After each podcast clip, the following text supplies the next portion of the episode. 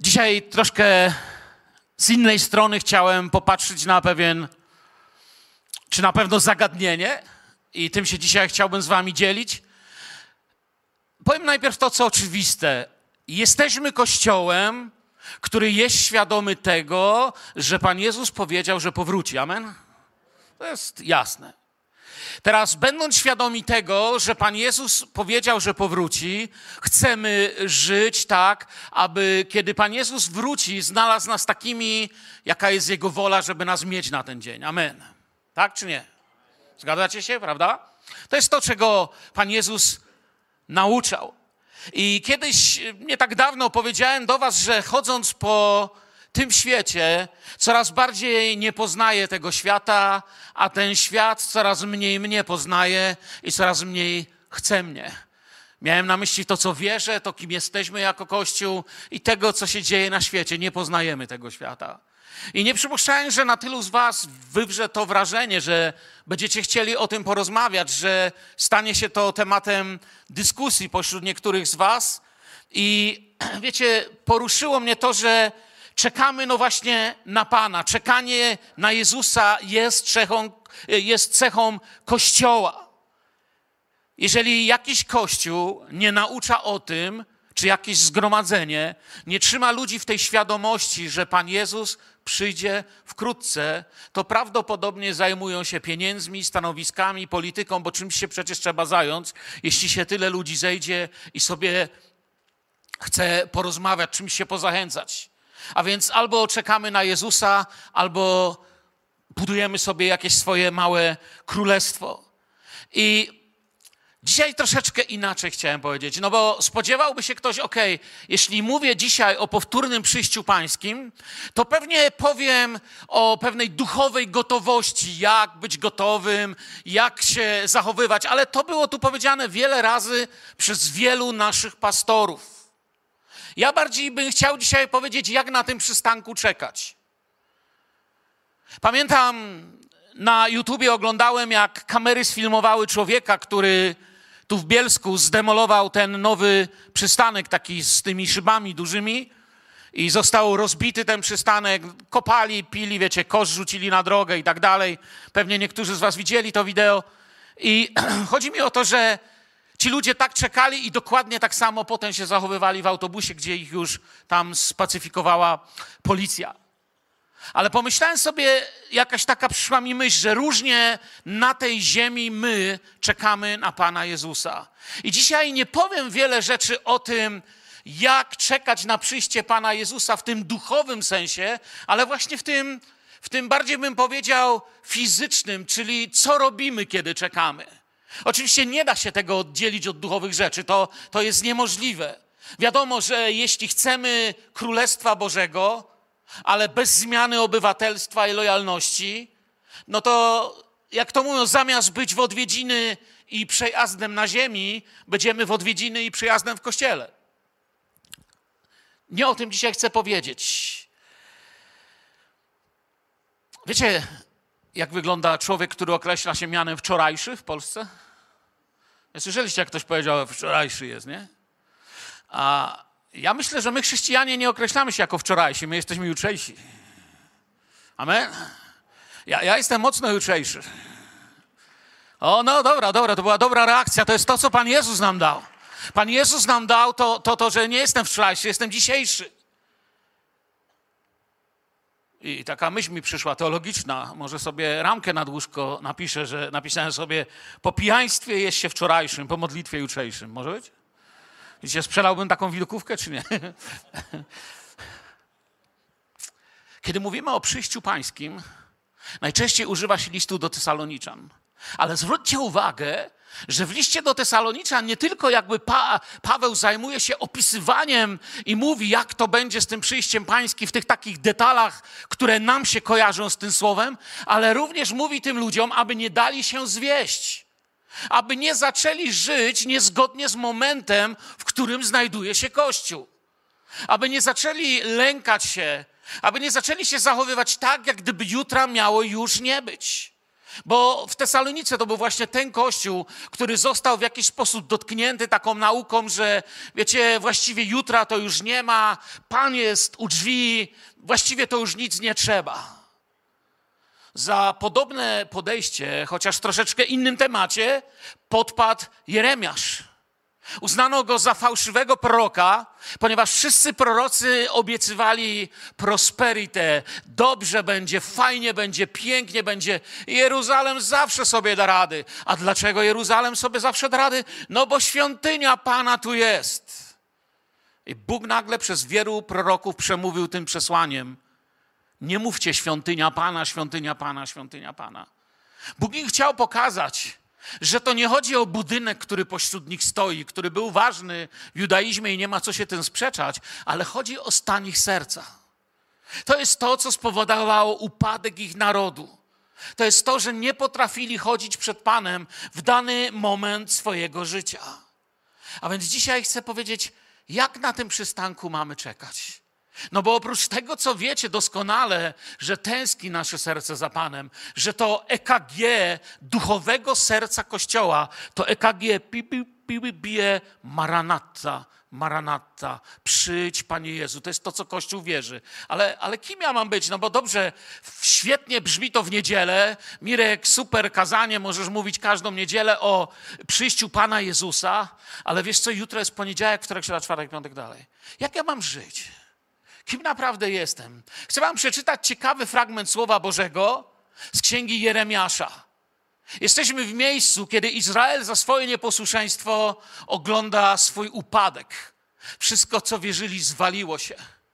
Wszystko, co wydawało się nietykalne i święto, zostało właściwie obrabowane i zwalone w grunt, w proch. Ludzie nie wiedzieli, co mają myśleć.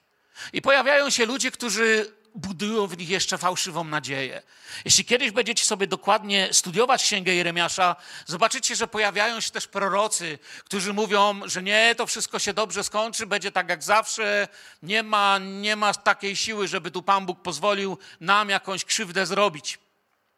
Problem jest w tym, że jeżeli wychodzimy poza Bożą wolę, poza Boże Słowo, poza miejsce, w którym Bóg chce nas mieć przed swoim obliczem, te rzeczy nie działają. Te rzeczy nie działają. Jest trochę tak, jak gdyby ktoś wyskoczył bez spadochronu i powiedział, że całkiem spoko, nic mu się nie stanie, ponieważ przeczytał instrukcję spadochronu i nawet historię spadochroniarstwa. Nie, musisz go ubrać. To nie chodzi o to, co przeczytałeś. Chodzi o to, co robisz. Wejdźmy w Księgę Jeremiasza 29, 4, 14. Tak mówi Pan zastępów, Bóg Izraela, do wszystkich wygnańców, których skazałem na wygnanie z Jeruzalemu do Babilonu. Budujcie domy i zamieszkujcie je. Zakładajcie ogrody i spożywajcie ich owoc. Pojmujcie żony i płódźcie synów i córki. Wybierajcie też żony dla waszych synów, a wasze córki wydawajcie za mąż, aby rodziły synów i córki, by was tam przybywało, a nie ubywało. A starajcie się o pomyślność miasta, do którego skazałem was na wygnanie i módlcie się za nie do Pana, bo od Jego pomyślności zależy wasza pomyślność. Gdyż tak mówi Pan zastępów, Bóg Izraela, niechaj was nie zwodzą wasi prorocy, którzy są wśród was, ani wasi wróżbici i nie słuchajcie waszych snów, które się wam śnią, albowiem oni kłamliwie wam prorokują w moim imieniu. Nie posłałem ich, mówi Pan. Bo tak mówi Pan, gdy upłynie dla Babilonu 70 lat, nawiedzę was i spełnię na was swoją obietnicę, że sprowadzę was z powrotem na to miejsce. Albowiem ja wiem, jakie myśli mam o was, mówi Pan, myśli o pokoju, a nie o niedoli, aby zgotować wam przyszłość i natchnąć nadzieją. Gdy będziecie mnie wzywać i zanosić do mnie modły, wysłucham was. A gdy mnie będziecie szukać, znajdziecie mnie, gdy mnie będziecie szukać całym swoim sercem. Objawię się wam, mówi Pan, odmienię wasz los i zgromadzę was ze wszystkich narodów i ze wszystkich miejsc, do których was rozproszyłem, mówi Pan, i sprowadzę was z powrotem do miejsca, skąd skazałem was na wygnanie. Żyjemy w dziwnych dniach. Wystarczy oglądać wiadomości. Nie trzeba się nawet głębiej zajmować. Świat staje się miejscem coraz większych zmian i tragedii. Słyszymy, co się dzieje politycznie, ekologicznie, ekonomicznie, a prośby o modlitwy coraz częściej, nie wiem czy zauważyliście, przetaczają się dwie prośby. Gdyby zrobić ranking, jak często jakie prośby się pojawiają, to dwie non-stop powracają. Fizycznie to są choroby nowotworowe. Zauważyliście, ile tego jest? No po prostu chyba nie ma niedzieli, żeby ktoś nie poprosił. Jestem taki Bogu wdzięczny, że wielu tych ludzi doświadcza Bożego dotknięcia, że wielu tych ludzi odnajduje w Panu swój ratunek. Ale drugi problem, nie fizyczny, duchowy, bierze, że na drugim miejscu jest, to są choroby psychiczne, schizofrenia, depresja, załamania psychiczne. Jakby powoli rzeczy tego świata się rozsypują. Ja wierzę, że wszystko jest spojone Słowem Bożym. Bóg wypowiedział słowo. Dawar po hebrajsku słowo, w tym sensie hebrajskim słowo jest wtedy słowem, kiedy się stanie, najprościej mówiąc. Kiedy się wypełnia. Samo słowo, żeby sobie powiedzieć coś, żeby powiedzieć, to nie jest jeszcze słowo i stworzył światy i wszechświaty spojone tym słowem. Im bardziej człowiek to słowo wyrzuca, wszystko zaczyna mu się rozpadać. Izrael, tam na wygnaniu, uprowadzony jak baranki na rzeź, sprzedani, oddani po różnych domach na służbę. Izrael coraz częściej odczuwał, że nie są u siebie. Musieli chodzić na zakupy ulicami Babilonu, Musieli załatwiać urzędowe sprawy w Babilonie, mieli takie dokumenty, mieli takie wiadomości, taką kulturę, to wszystko ich otaczało, mieli możliwość się spotykać, tego im nie zabroniono, ale czuli, że nie są u siebie. Odkrywali to z każdym dniem, i właśnie w czasie takich spotkań niektórzy ludzie zaczęli ich zwodzić i mówili: Słuchajcie, to już nie potrwa długo, to niemożliwe, żeby nam się coś takiego przydarzyło. O, Bóg wkrótce to wszystko zmieni. I tylko jeden uparty Jeremiasz mówił: Nie, nie, nie. Pan Bóg ma troszeczkę inne plany. Pan Bóg zamierza nas nauczyć pewnej lekcji. Oni czuli, że w Babilonie nie jest tak jak tam, w ich ziemi. Ich serca chciały słyszeć coś innego niż przesłanie, które miał Jeremiasz. Chcieli usłyszeć coś innego niż przesłanie o pokucie, o posłuszeństwie. Chcieli usłyszeć jakieś przesłanie, które daje im nadzieję, ale prorok Jeremiasz się nie zgadzał i nie chciał, aby to była fałszywa nadzieja. Chciałbyś żyć fałszywą nadzieją? On wiedział, jak to się skończy. Wiecie, człowiek, który napełnia się fałszywą nadzieją, rozbija się o prawdziwą ścianę i przestaje wierzyć w cokolwiek. I oto wezwanie Boga do życia w nie swoim świecie zgodnie z Jego wolą. To nie jest tak, że coś mu się z ręki wymyka, nic nie dzieje się bez jego wiedzy. Izraelici siedzą w niewoli, być może może to tak wyglądać. My przyglądamy się temu światu i też czasami, wiecie, no na pewno macie takie same rozmowy z ludźmi jak ja, którzy zadają pytanie zaczynające się od, od słów: No to jeśli jest Bóg, to dlaczego, prawda? I tutaj każdy ma swoją listę, dlaczego, jeśli Bóg istnieje. Przyglądamy się światu. I dla wielu ludzi właśnie może to wyglądać, jak gdyby znowu, czy Pan Bóg sobie poszedł na urlop. Kościół jest jedynym, kto mówi nie. On dziś działa, nie jest żywy, działa pośród nas. Amen, Kościele. Jest wręcz przeciwnie. Ale Jeremiasz mówi do Izraela, ale i do nas wierzę że mamy żyć i robić swoje tutaj, aż przyjdzie Jego czas. To On wyznaczy i w tym słowie Jeremiasza Bóg wyznacza ten czas. I w naszych czasach też Bóg wyznaczył swoją chwilę i nie nasza rzecz jest znać tą porę, ale żyć tak, a gdyby Pan, gdy Pan przyjdzie, aby nas zastał czuwających i gotowych. I to jest ta rzecz, jak na tym przystanku czekać. Nie chcę dziś, absolutnie nie chcę, żeby ktoś, wiecie, nawet nie przeszło przez myśl. Ja nie chcę odwrócić naszego wzroku od oczekiwania na Jezusa, ale chcę na chwilkę zwrócić nasz wzrok na to, kim ja właściwie jestem czekając. Jak czekam? To znaczy, co ja robię? Jeremiasz zachęca ich, aby się nie bali, aby nie rezygnowali, że Bóg ma wszystko pod kontrolą. Jezus w podobny sposób zachęcał swoich uczniów w Jana 14:1 mówi: Niechaj się nie trwoży serce wasze, wierzcie w Boga, we mnie wierzcie. Ludzie mieli swoje opinie, ale on wiedział, przez co będą musieli iść, i wiedział, że tych słów będą się chwytać. Nigdy nie zapomnę bardzo mądrych słów mojego wielkiego mentora i przyjaciela. Kiedy prowadziliśmy razem w Estonii kościół, rozmawialiśmy na ten temat. I on mi kiedyś powiedział takie słowa, które zajęły mi jakiś czas. Już kiedyś wam o tym mówiłem, nie po raz pierwszy to usłyszycie. Powiedział do mnie tak, Mirek, fizycznie żyj, jakby Pan miał nigdy nie przyjść. Rób swoje. Duchowo żyj, jakby miał przyjść w tej minucie. Innymi słowami, uczciwie rób to, co jest Twoim zadaniem, co jest Twoim powołaniem, Twoją pracą i obowiązkiem, ale duchowo żyj w takiej prawdzie, w takim świetle Słowa Bożego, abyś mógł wyznawać grzechy i w każdej chwili był gotowy powiedzieć: Przyjdź, Panie Jezu. Amen. To jest to, wiecie, dla mnie to zmieniło sposób mojego patrzenia.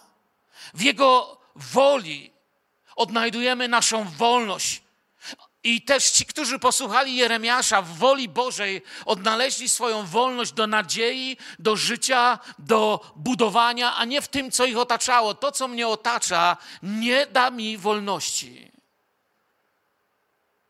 W słowach Jeremiasza słyszymy, jak żyć.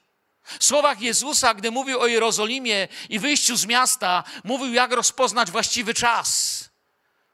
Ale innymi słowy, dopóki można kupić chleb, Dopóki trwa to, co nazywa się dziś, bądź gotowy na to, co jutrzejsze, ale bądź uczciwy dzisiaj. Bądź uczciwy dzisiaj. Zaraz bardziej, głębiej to wytłumaczę.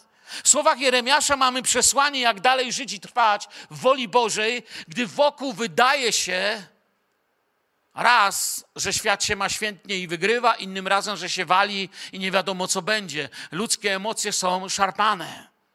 I oto w swoim proroctwie Jeremiasz daje kilka lekcji, którymi chce się dzisiaj zająć, jak żyć po Bożemu w miejscu, które nie jest nasze. Innymi słowami, jak żyć na świecie, który nie jest nasz i jesteśmy tu przechodniem. Świat nie jest domem mym. Pamiętacie tą starą piosenkę? Jam tu, przechodniem jest. Me skarby w niebie są, nie w tej dolinie łez. I po pierwsze, jeżeli pamiętacie tekst, który pyta, czytałem, w tym piątym, szóstym wersecie, on mówi: budujcie, budujcie domy, zamieszkujcie je, zakładajcie ogrody i spożywajcie ich owoc. Pojmujcie żony, wydawajcie wasze dzieci. To jest piąty, szósty werset tego tekstu. Zawsze, gdy komuś wydaje się, że czekanie na Pana to bezczynność połączona z krytyką świata, w którym żyjemy, to Kościoła zaczyna ubywać. Kościół, który tylko wie, że świat jest grzeszny, brzydki, do bani i w ogóle ci ludzie to tylko piją i cudzołożą, to jest Kościół, który nie ma co liczyć, że będą wzrastać uczniowie. Kościół, który widzi Chrystusa Zbawiciela, Pana i Króla, który ma odpowiedź za, dla każdego grzesznika. Wiecie, dlaczego jest źle, kiedy Kościół widzi tylko, jaki zły jest świat? Bo czasami mogę to powiedzieć teologicznie albo ludowo. Ludowo brzmi tak: zapomniał wół, jak cielęciem był. A duchowo, duchowo brzmi tak: on nas znalazł jako grzeszników i ukochał. Nie ma w tym zgromadzeniu dzisiaj ani jednej osoby, której Bóg by nie znalazł jako grzesznika. Jeśli taki ktoś jest, niech mi powie, że Bóg cię znalazł, normalnie nawiedził twoje mieszkanie, Pan Bóg nie mówił, wow, wow, bez grzechu. Wiesz co, ty to właściwie nawet nic nie musisz. Nie. Większość z nas runęła na kolana i się rozpłakała. To jest ta część pokuty, po niej przychodzi radość zbawienia. Ale ta pierwsza część, kiedy człowiek naprawdę pod krzyżem zda sobie sprawę, kim ja naprawdę jestem. Kim ja naprawdę jestem, co ja robię, co się przetacza przez moje myśli, moje plany, co ja planuję, co myślę, co mówię, co się stało z moim domem, życiem, rodziną. Jeszcze pamiętam jako kapelan więzienny ludzi, którzy mówili nam, że wiecie, Bóg nie dla nich, Bóg jest dla mięczaków, a potem tych samych twardzieli po jakimś czasie widziałem, jak jeszcze godzinę i dwie po nabożeństwie na kolanach pozostawali w kaplicy. Wszyscy już wyszli, oni klęczeli. Płakali, wielkie chłopy, wytatuowane wielkie chłopiska, płakali jak dzieci, kiedy Pan Bóg do nich doszedł. Zobacz, oto kim jesteś. Do dziś pamiętam twarz jednego z nich, jak się obrócił ze łzami w oczach i nigdy tych słów nie zapomnę. Mówi, Birek, za mną jest, wczoraj to jest tylko pustynia. Mówi, wszystko, co mogę dać Bogu, to moja pustynia. Tam już nic nie zostało. Nie masz żadnej nadziei. Ta pustynia pochłonęła moje dzieci, moje małżeństwo, moje życie, moje zdrowie, moją wolność. Wszystko. Ja widziałem, że naprawdę spotkał się z Panem. Czekaniem na Pana to nie bezczynność. Pamiętam, jak raz jeden człowiek podszedł do mnie i mówi: Mirek, postanowiłem likwiduję konto w banku. Ja, a co likwidujesz konto w banku? Mówię, zlikwiduj konto w banku, mówi do mnie. Ja myślę, że to już popatrzcie, co się dzieje w wiadomościach. To ile to miesiąc został? Dwa? Wiesz, najśmieszniejsze, wiecie, jest to, że facet do dziś konta nie zlikwidował, bo go spytałem. Myślałem sobie, co by było, gdybym go posłuchał. On mi tłumaczył, że rządy światowe chcą przejąć moje konto. Wszystkiego dobrego. Nie będę tłumaczył. Zapraszam. Tylko nie w dniu wypłaty, tak dwa dni potem. Albo wiecie, słyszałem też pewną zatroskaną mamę, która do mnie przyszła. Mieli w domu podział w tej akurat rodzinie ponieważ ona chodziła do naszego zboru, znaczy w sensie nie, nie tego, tylko wcześniej byłem, a jej mąż chodził do innego. I mówi, że w jej domu pojawił się pewien problem, ponieważ no, mąż stał się bardzo gorliwy, ale tyle mówi o przyjściu pańskim i o końcu świata, że dzieci po nocy nie śpią, bo boją się, że Pan zabierze rodziców i zostaną same, i boją się iść do szkoły, bo się boją, że w tym czasie Bóg zabierze, albo nie chcą się uczyć, bo mówią, że i tak koniec świata ma być teraz. Zobaczcie, do czego można doprowadzić własną rodzinę. Ten człowiek użył prawdy o tym, że Jezus przychodzi, ale ta prawda zaczęła niszczyć, ponieważ nie była podana tak, jak chciał ją podać Jeremiasz czy Pan Jezus. Ponieważ to dzieci się zaczęły bać. Pamiętam, jak dawno, dawno temu, myślę, że niektórzy z Was jeszcze pamiętają brata, który już dzisiaj jest panem, brata Małysza, jak w Wapienicy jeszcze głosił. I pamiętam, jak opowiadał, że gdzieś tam w latach 50., nie pamiętam, bo on chyba mówił dokładniej, jakaś grupa ludzi ubrała białe szaty i poszli gdzieś tu w góry. I gdyby nie górskie pogotowie i jakieś wojsko, to by ich ze śnieżycy i z mrozu nie odratowano. Ponieważ ktoś tym ludziom powiedział wtedy, to była jakaś garstka ludzi, że Mesjasz nadchodzi, że to właśnie dzisiaj. Więc nie przejmowali się mrozem, nie przejmowali się śniegiem, ubrali białe szaty i poszli czekać w góry. No, nie przyszedł, przyszła, przyszła pomoc, na szczęście ich ratowali. Ktoś im powiedział, że nie ma po co żyć. Ale Jeremiasz zwraca się do Izraela: budujcie domy. Jeszcze raz mówię, nie chcę powiedzieć, Pan może przyjść w każdej chwili, amen. Bóg może przyjść w każdej chwili, nie znamy dnia, godziny i chcę, aby serce naszego Kościoła biło maranata. Ale jeżeli dziś zostało nam jeszcze, jeżeli jutro zostało nam jeszcze i pojutrze, jeśli nam został rok, dwa lub dziesięć, nie wiem ile, to każdą z następnych chwil chcę żyć zgodnie z wolą Bożą dla mojego życia. Bo mimo, że nasze życie jest tymczasowym przebywaniem tutaj, nie możemy żyć w jakiejś, wiecie, bezczynnej nadziei na lepsze jutro. Budujcie domy. Życie tu jest jak namiot, ale to nie znaczy, że tego namiotu nie trzeba rozkładać. Bo czasami wtedy przypominamy kogoś, kto rzuca namiot i siada na worku. Pytam, czemu namiotu nie rozkładasz? A po co? Koniec świata jutro. To może na dzisiaj rozłóż, gdyby jutro nie przyszedł. Pomimo wszystko Jeremiasz mówi: żyjcie i budujcie. To nie będzie trwać wiecznie. Pan przyjdzie, Bóg to zakończy, jeżeli, jednak jeżeli dziś jeszcze jest i jutro, nie bądź człowiekiem, który stawia na lenistwo i bezczynne czekanie na Pana, ale bądź sługą, bądź uczniem Pana. Panie, co mam robić? Kim mam być? Co chcesz ode mnie? Budujcie, zakładajcie ogrody, spożywajcie ich owoc. Nie przestawajcie. Kiedy Bóg mówi zakładajcie ogrody, spożywajcie owoc, to tak jakby pokazywał, słuchajcie, pewną perspektywę, prawda? Bo sadzenie daje pewną perspektywę. Pamiętam, spotkałem raz takiego człowieka, z którym próbowałem rozmawiać, ale nie dało się. Stwierdził, że jestem mocno zwiedziony i nie widzę Bożych rzeczy, dlatego że jego mama mnie poprosiła, ponieważ on miał, no już miał naprawdę takie lata, kiedy syn już nie powinien żyć z renty mamy. Szczególnie kiedy, wiecie, no już jest po trzydziestce. Problem z tym człowiekiem był taki, że on mając około 30 lat, powiedział, że Pan go powołał do głoszenia Ewangelii, rzucił pracę, rzucił żonę, dzieci, wszystko i zaczął chodzić po ulicach swojego miasta i głosić ludziom. No oczywiście to, co mówił, wiecie, to, to nie była za bardzo nawet Ewangelia. To było bardziej oskarżanie innych kościołów. Ale jego mama miała złamane serce. Mówi, co się z nim stało? A on twierdził, że my wszyscy jesteśmy zwiedzeni. Po co, mówi, budować jeszcze zbory? Po co się uczyć? Po co chodzić do szkoły? Po co w ogóle coś jeszcze robić? To już jest, mówi, to już jest teraz chwila, to kilka dni i miesięcy może zostało, można na palcach policzyć. Pamiętam inną tego typu sytuację, kiedy dziadek mojego przyjaciela Georga, on mi to opowiadał, kiedy rozmawialiśmy również na ten temat, miał taką sytuację, że w tym wiejskim zborze, gdzie on był, Przyjechał jakiś człowiek, który również mówił o przyjściu pańskim. I wiecie, tak przekonał niektórych zborowników, że postanowili na jeszcze do końca niedojrzałe zboża wypuścić stada krów. Bo stwierdzili, że żniw już nie będzie, bo ten prorok powiedział, że jeszcze przed żniwami Pan przyjdzie po ten kościół.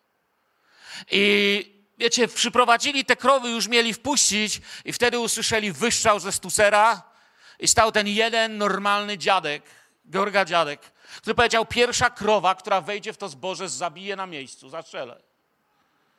I ci wzięli swoje krowy. Aż tak nie wierzyli, że przyjdzie może Bóg. Wiecie, okazało się, że przyszło lato, trzeba było to zebrać, przyszła jesień, upiekli chleb, a w zimie mieli co jeść.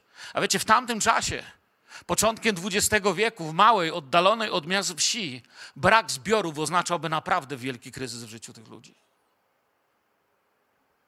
To prawda, że wokół są znaki czasów ostatecznych, ale nasze dzieci chcą jeść, nasze rachunki trzeba płacić. Musimy być zdrowi, normalni i pokazać temu światu, że potrafimy żyć w pokoju, uczciwości, robić swoje. Nasza praca jest ciągle wyrazem uczciwości, kochania Boga i bliźniego. Jeremiasz mówi: twórzcie rodziny. Nie pozwólcie, aby chwiejność świata pozbawiła was rodziny. I znowu mógłbym, wiecie, tysiące przykładów. Jeden człowiek mi powiedział, że się nie ożenił, bo się boi, że będzie mieć dzieci. A mówi, jakbym miał dzieci, to się boję, że wpadną w ręce antychrysta. Nie muszę wam tłumaczyć, nie? Silna rodzina buduje silne społeczeństwo i świadectwo. Nie pozwólcie, aby niepewność tego świata pozbawiła was radości, rodziny. Pan przyjdzie w swoim czasie, ale naszą radością jest Pan Jezus. To, że możemy się nim dzielić, może przyjdzie jutro, ale dzisiaj zamierzam z moją rodziną cieszyć się Bogiem, obiadem, wieczorem. Zamierzam kochać moją żonę, kochać moje dzieci i żyć i być świadectwem dla tego miasta, że Jezus kocha każdego człowieka. Amen.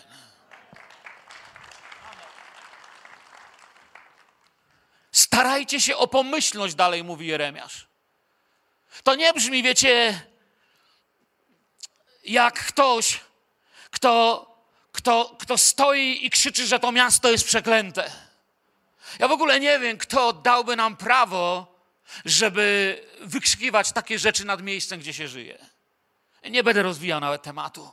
Starajcie się o pomyślność. Innymi słowami, niech się wam powodzi prosperujcie, kwitnijcie, rozwijajcie się. Ktoś teraz powie, no nie wiem, koniec świata, kule zgłosi Ewangelię prosperity. No, nie koniec świata, mówiłem, że nie przecież. Jest różnica między zachłannością a pomyślnością. Jedno jest grzechem i stawianiem siebie w centrum, a drugie jest Bożym obdarowaniem i błogosławieństwem. Widzicie różnicę? I o takiej pomyślności mówię.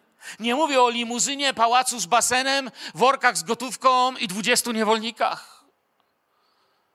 Mówię o pomyślności w Panu, w dobrej, zbudowanej na Słowie Bożym rodzinie. Mówię o wolności do życia w pokoju i wystarczającej dla rodziny, i środkach wystarczających dla rodziny. Kto, chcia, kto z Was chciałby widzieć Wasze dzieci głodne? To nie jest normalne. Nie jest Bożym planem, aby matka słyszała płacz głodnych dzieci. To nie jest żadna świętość, żaden ascetyzm, to jest po prostu coś nie tak. Nie jest Bożym planem. żeby na ulicach jakiegoś kraju leżeli ludzie umierający z głodu. W Bożym planie nie ma dla nas czarnej rozpaczy, ale jest posłuszeństwo, które rodzi błogosławieństwo. W każdej dziedzinie. W mojej duchowej dziedzinie dzisiaj rano pierwsze co złożyłem, otwarłem oczy, przeczytałem Słowo Boże. Karmię się Słowem Bożym i staję przed Wami uczciwie. Przeczytałem słowo i Pan napełnia moje serce. To jest mój plan na dzisiejszy dzień. Nie ma czarnej rozpaczy, jest błogosławieństwo z posłuszeństwa. Kiedy na moje konto wpływa wypłata, pierwszy przelew z mojego konta to jest dziesięcina dla mojego kościoła. Nie dlatego, że muszę, ale dlatego, że go kocham i widzę, jak się rozwija. Kiedy mam coś do zrobienia, staram się to zrobić. Chcę, aby mi się dobrze powodziło w tym sensie, a ty nie. Jan w swoim liście pisze do Gajusa, umiłowany, i trzeci list Jana, drugi werset, umiłowany, modlę się o to, aby ci się we wszystkim dobrze powodziło i abyś był zdrów tak, jak dobrze się ma dusza twoja. Ja też chcę, żeby mi się dobrze powodziło i chcę być taki zdrów, jak ma się dobrze dusza moja, ty? To nie jest nic nie tak, to jest to, co Pan Bóg dla nas ma. Gdy świat wydaje się taki niestały i zmienny, Bóg mówi do nas: starajcie się o pomyślność miasta. Módlcie się za swoje miasto do Pana. Od Jego pomyślności zależy Wasza pomyślność. Innymi słowami, inaczej się żyje w mieście, o które się modlę, inaczej w mieście, o które się nie modlę. Nie mamy stać na drodze z transparentem, koniec blisko. Widziałem takiego faceta. Pamiętam, pa, pa, pastor Rick, pamiętacie go, tutaj był, jak stanął na światłach, to on tam stał i miał taki, wiecie, transparent i tam miał napisane end is near, koniec jest blisko. Nie? I miał taki, tutaj taki, taki, taką, taki głośnik do krzyczenia na ulicę i krzyczał, że koniec świata nadchodzi. I, i, Rick stanął na światłach, no bo było czerwone światło i mieliśmy otwarte okna. A on krzyczy do Rika, mówi, do piekła idziecie. A on mówi, nieprawda, idę do nieba, nieprawda, do piekła idzie. W pewnym momencie, co ten facet chciał ludziom powiedzieć? Miał, miał, miał, miał kogoś 3 sekundy, czy tam 10 sekund na tym świetle i wszystko, co od niego usłyszała ta osoba, to, że idzie do piekła i że koniec blisko. Co człowiek ma z tym zrobić? Życie w służbie jest dużo trudniejsze. Kochać ludzi jest dużo trudniej niż tylko tyle im powiedzieć. Mamy się modlić. I nigdzie w Biblii nie znajdziecie, żeby Bóg powiedział do kościoła: módlcie się tylko o was, a brzydźcie się tamtą bandą. Módlcie się o nich wszystkich, bo to nie jest żadna banda. To by było wulgarne. To są ludzie, których Jezus kocha tak jak ciebie. I również dla nich Golgota była. Mamy się modlić nie tylko o nas. Dlatego tak się cieszę, kiedy teraz w tym tygodniu nasza młodzież, Grzesiu do mnie pisał, poszła znowu na plac Chorbrego, na ulicę, dzielili się słowem z Bożymi ludźmi wieczorami. Z niesamowicie Grzesiek mnie bombarduje zdjęciami i dobrymi wiadomościami. Nareszcie dobre wiadomości. Jeśli tu jesteś, to Ci dziękuję z całego serca. Pan wie, kiedy stąd odejdziemy, ale póki co to jest nasze miasto i będę się o nie modlił, a Ty? Ludzie, którzy naprawdę czekają na Pana, będą się modlić o swój kraj i o tych, którzy w nim żyją, bo ja nie chcę sam tam pójść. Ja bym chciał, żeby nasze dzieci, żony, mamy, tatowie, mężowie, bliscy, jeśli masz niewierzących w swoim domu, aby również to weszli. Amen? Jest tak? Niech nie zadowala nas, że my jesteśmy zbawieni. Prorok Daniel, często jest, to wiecie, powtarzane, nie? Prorok Daniel żył w Babilonie, ale Babilon nie żył w proroku Danielu. On tam był, ale robił swoje. Był błogosławieństwem dla swoich czasów i króla. Jak głosiłem z księgi Daniela, to pamiętacie, Nabuchodonozor na początku uważał, że to jest jakiś tam ich żydowski Bóg. Potem przechodził w kolejne stopnie, aż doszedł do miejsca, w którym wyznawał, że to jego Bóg. Jeremiasz mówi: Niech was nie zwodzą wasi prorocy, którzy są wśród was, ani wasi wróżbici, Ci prorocy byli tyle samo warci, co wróżbici. I nie słuchajcie waszych snów, które się wam śnią. W tym wypadku nie chciał przeciwnie do Joela powiedzieć, że, bo Joel mówi, że, że młodzieńcy i starcy będą mieć sny i proroctwa, prawda? Tu nie chodzi o to, że on coś innego mówi, ale on mówi, jeżeli jesteś w kraju, w którym wszyscy kłamią, to ci się mogą kłamliwe rzeczy śnić. Bo wszyscy o tym mówią, o tym marzą. Zostaw to ty, w ogóle w te, w te marzenia nie wchodź. Bo wszyscy chcieli, żeby było jak dawniej. Chcemy być wielcy i robić to, co chcemy. Tu nie chodzi o to. On mówi: Nie ulegajcie duchowym mrzonkom, pozornie duchowym pragnieniom tego świata. Tragedie na tym świecie będą napędzać kolejne sekty i tych, którzy chcą osiągać własne cele, strasząc ludzi.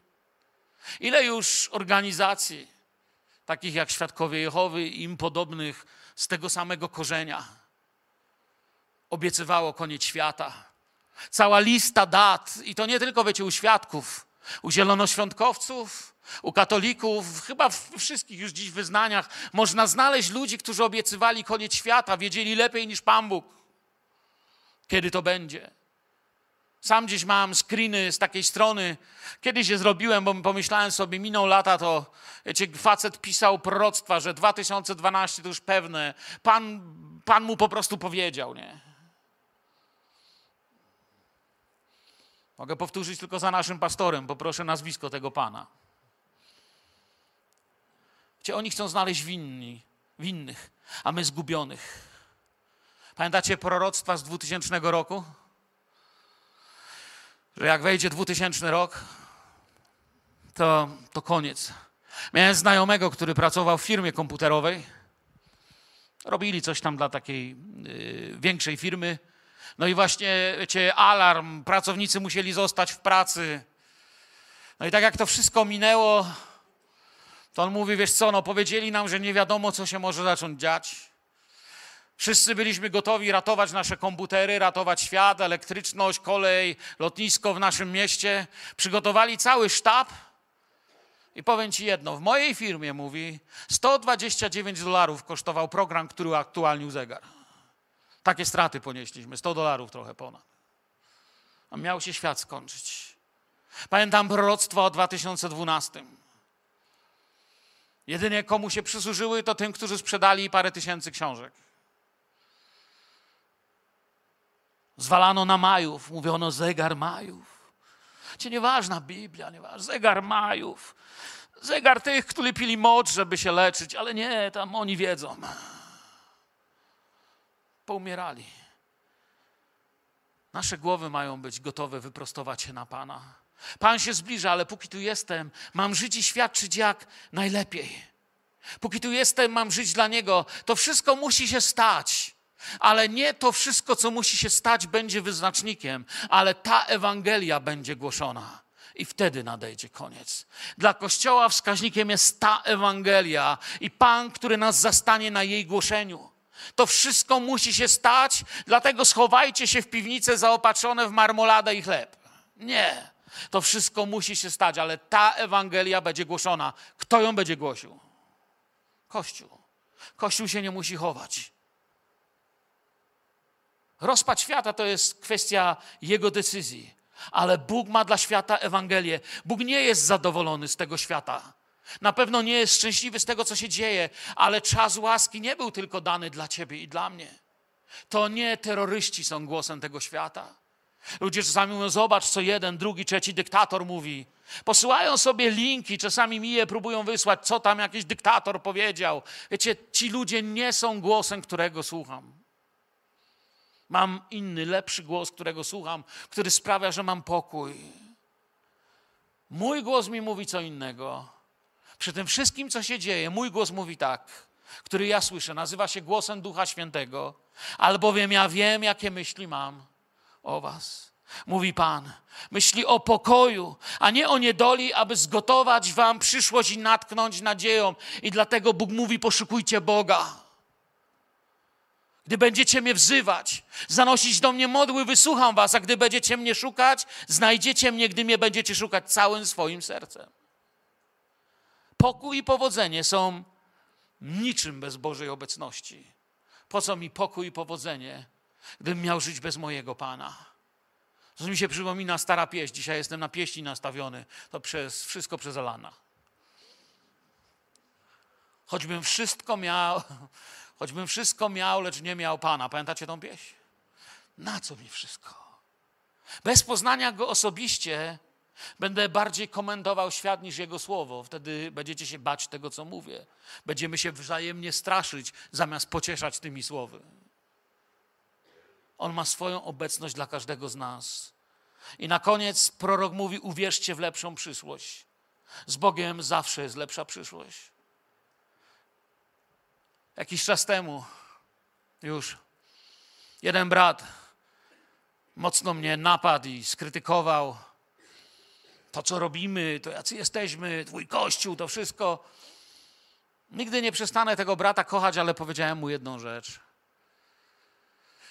Powiem ci w ten sposób. Świat nas tak nie widzi, ani Bóg nas tak nie widzi, jak mówisz. Jeżeli kiedyś przyjdą ciężkie czasy dla Kościoła, to będziemy siedzieć w tym samym więzieniu.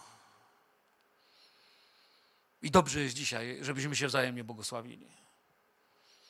Gdybyśmy mieszkali w Rzymie, zginęlibyśmy na tej samej ranie. I nie ma sensu, żeby między nami było złe słowo. Jest lepsza przyszłość, która nadchodzi. To jest przyszłość z moim Jezusem. Większa niż nasze kościelne tymczasowe spory. Nieważne jak trzęsie się świat. I ja nie mówię teraz o jakiejś tutaj e, e, ekumenicznej zgodzie na różne poglądy na to, kim jest Jezus i kim jest Pan Bóg i jak się do Niego modlić. Mówię o tym, że czasami dzielą nas bzdury. Nieważne jak trzęsie się świat, ja wiem, że w nim jest przyszłość i nadzieja. Póki tu jesteśmy, niech nasza miłość do Pana jest błogosławieństwem dla świata. I wtedy, kończąc, Jeremiasz mówi: Objawię się Wam, mówi Pan.